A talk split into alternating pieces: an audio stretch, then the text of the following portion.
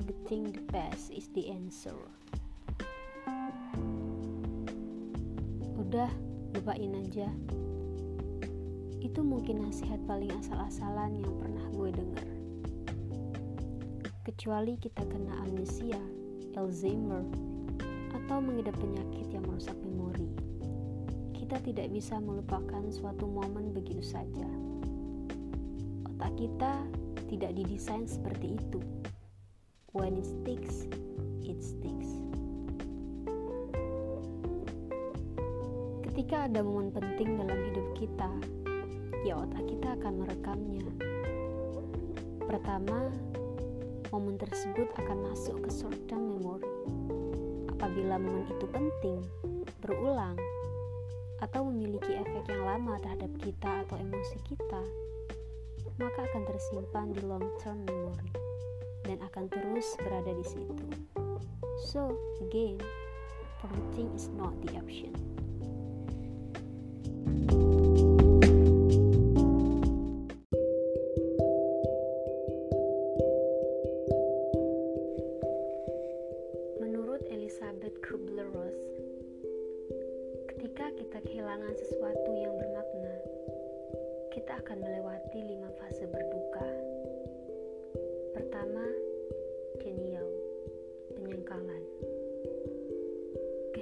seseorang atau sesuatu yang sangat bermakna dalam hidup kita adalah sesuatu yang sulit kita terima. Sehingga kita akan sulit percaya atas apa yang terjadi. Kedua, angry, marah. Kita akan marah. Marah terhadap orang lain yang bahagia marah terhadap orang-orang yang baik saja, marah terhadap orang-orang yang terhadap diri sendiri. Ketiga, bargaining, tawar-menawar. Kita akan mulai memohon, berdoa, berkompromi, berusaha mengalah, berusaha agar tidak kehilangan, berusaha agar apa yang sudah hilang kembali. Keempat, depression. Ketika tahap ketika tahap tawar menawar gagal dan kita tetap saja kehilangan, kita akan merasa kehilangan harapan, merasakan kesedihan yang dalam, merasa menjadi orang yang paling menderita. Kelima, acceptance, penerimaan. Pada akhirnya, kita sadar semua tidak bisa kembali seperti semula tidak ada jalan lain selain melepas dan menerima. Permasalahannya, tidak semua orang bisa sampai pada tahap terakhir. Banyak faktor yang dapat mempengaruhi bisa atau tidaknya seseorang melewati fase-fase tersebut.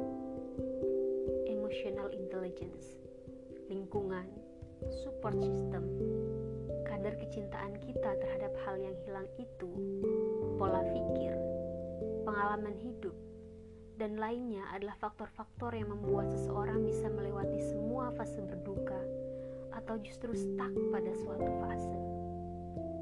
Jika stuck pada suatu fase, itu yang membuat dia akhirnya gagal untuk maju, gagal move on, gagal melanjutkan hidupnya dengan sehat. Ketika kita kehilangan sesuatu, kita bukan hanya kehilangan seseorang atau sesuatu tersebut, tetapi juga kehilangan diri kita. Kita juga akan kehilangan identitas diri. Kita bukan lagi pemilik sesuatu yang hilang itu. Kita bukan lagi pasangan dari orang yang meninggalkan kita. Identitas yang selama ini kita bangun, yang selama ini kita tampilkan kepada banyak orang, telah hilang kita harus menemukan identitas baru lagi untuk diri kita, dan ini tidak mudah. Oke, kita tidak bisa melupakan begitu saja kejadian yang tidak mengenakan. Kadang, suatu kejadian yang meninggalkan luka begitu dalam yang mempengaruhi cara kita berpikir, bahkan mengubah kita secara personal tapi sometimes it's a good thing. Kita adalah makhluk yang belajar dari contoh. Mudah bagi kita untuk menerima suatu konsep dengan sebuah contoh, entah itu dipaparkan atau divisualisasikan. Kadang, walaupun kita tahu teori jangan main api, kita akan tetap main api dan baru berhenti ketika kita terkena panasnya, atau kita melihat orang lain yang terkena panasnya. And that was it. Setelah melihat secara langsung dampak buruknya, baru kita belajar. Jadi, seringnya walau kita sudah tahu teori soal sakit hati, kita tetap saja melakukan kesalahan. Hingga akhirnya, rasa sakit itu cukup besar, lalu membuat kita sadar bahwa harus berhenti. Hal negatif seperti ini akan terus berada dalam memori kita,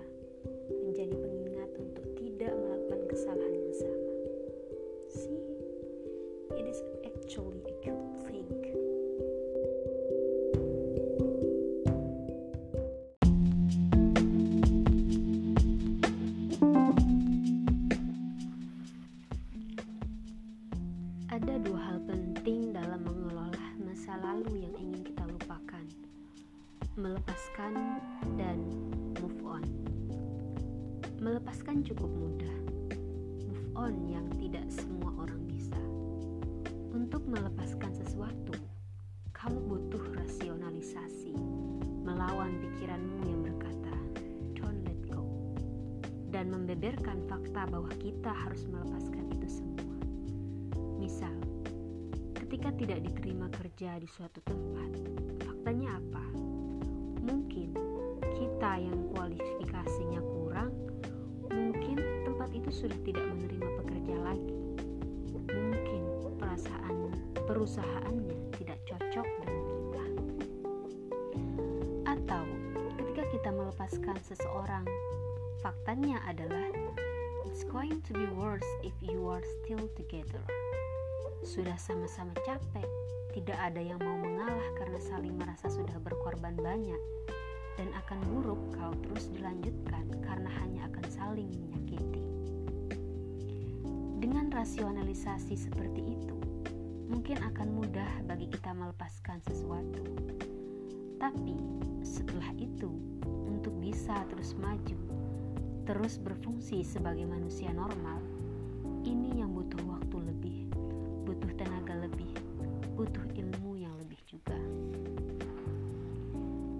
Setiap notifikasi di handphone dianggap harapan semu. Setiap keluar ke tempat-tempat tertentu takut akan memberi flashback. Belum lagi adanya keberadaan barang-barang yang menjadi pengingat konstan terhadap kehilangan itu. Banyak loh yang tidak berhasil move on bahkan sampai akhir hayatnya. Dan akhirnya mereka terus bertahan dengan rasa sakit hatinya. Tapi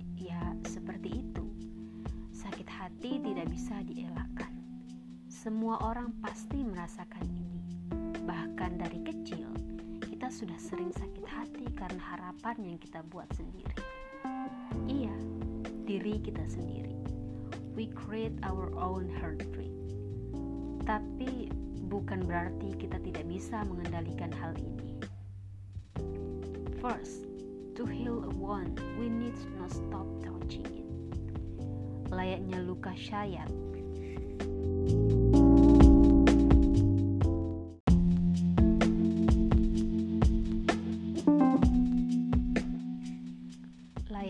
luka sayat, semakin sering kita sentuh, maka akan semakin sakit dan semakin lama pula sembuhnya. Luka hati pun memiliki aturan yang sama.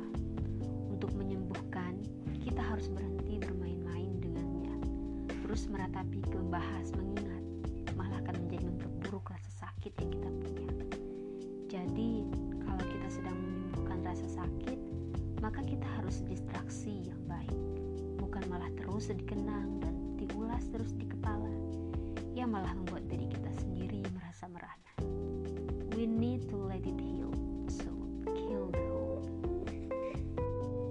Karena kadang harapanlah yang membuat kita terus menempel dengan masa lalu, apa pun jenisnya.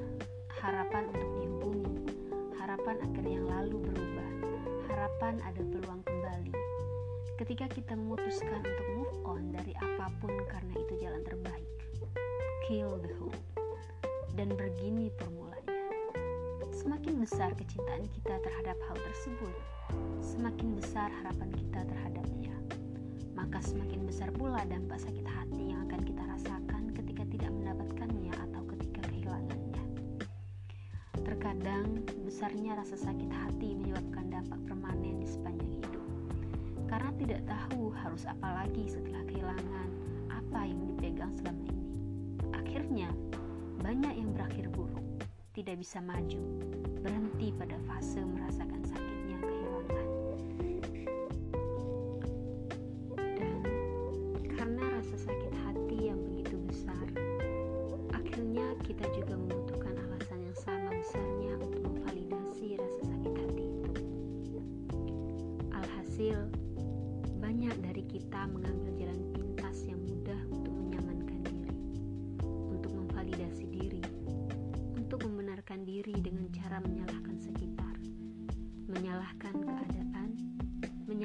orang lain, dan parahnya sampai menyalahkan takdir.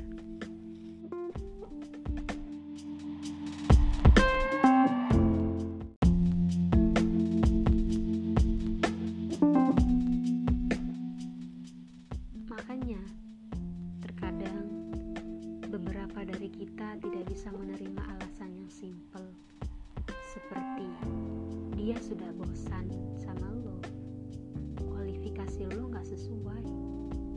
Pada akhirnya kita membuat alasan-alasan di kepala seperti pasti ada orang lain. Pasti ada yang nyogok. Atau alasan drama lainnya yang bisa mengurangi rasa sakit. Dari situ timbullah kesan bahwa kita yang menjadi korban. Karena sulit bagi kita menerima bahwa kitalah yang sebenarnya tersangka dari sakit hati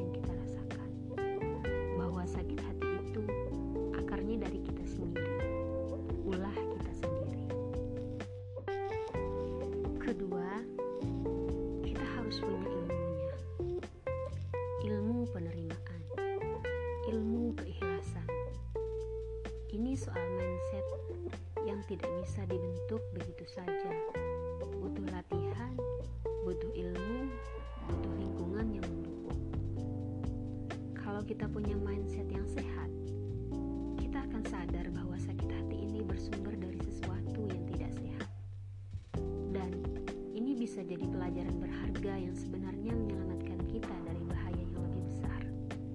Yang seharusnya mengubah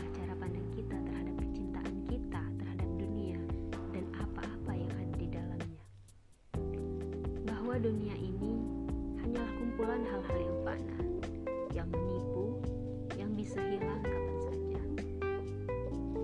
Sakit hati ini adalah sebuah peringatan bahwa kita telah melakukan kesalahan.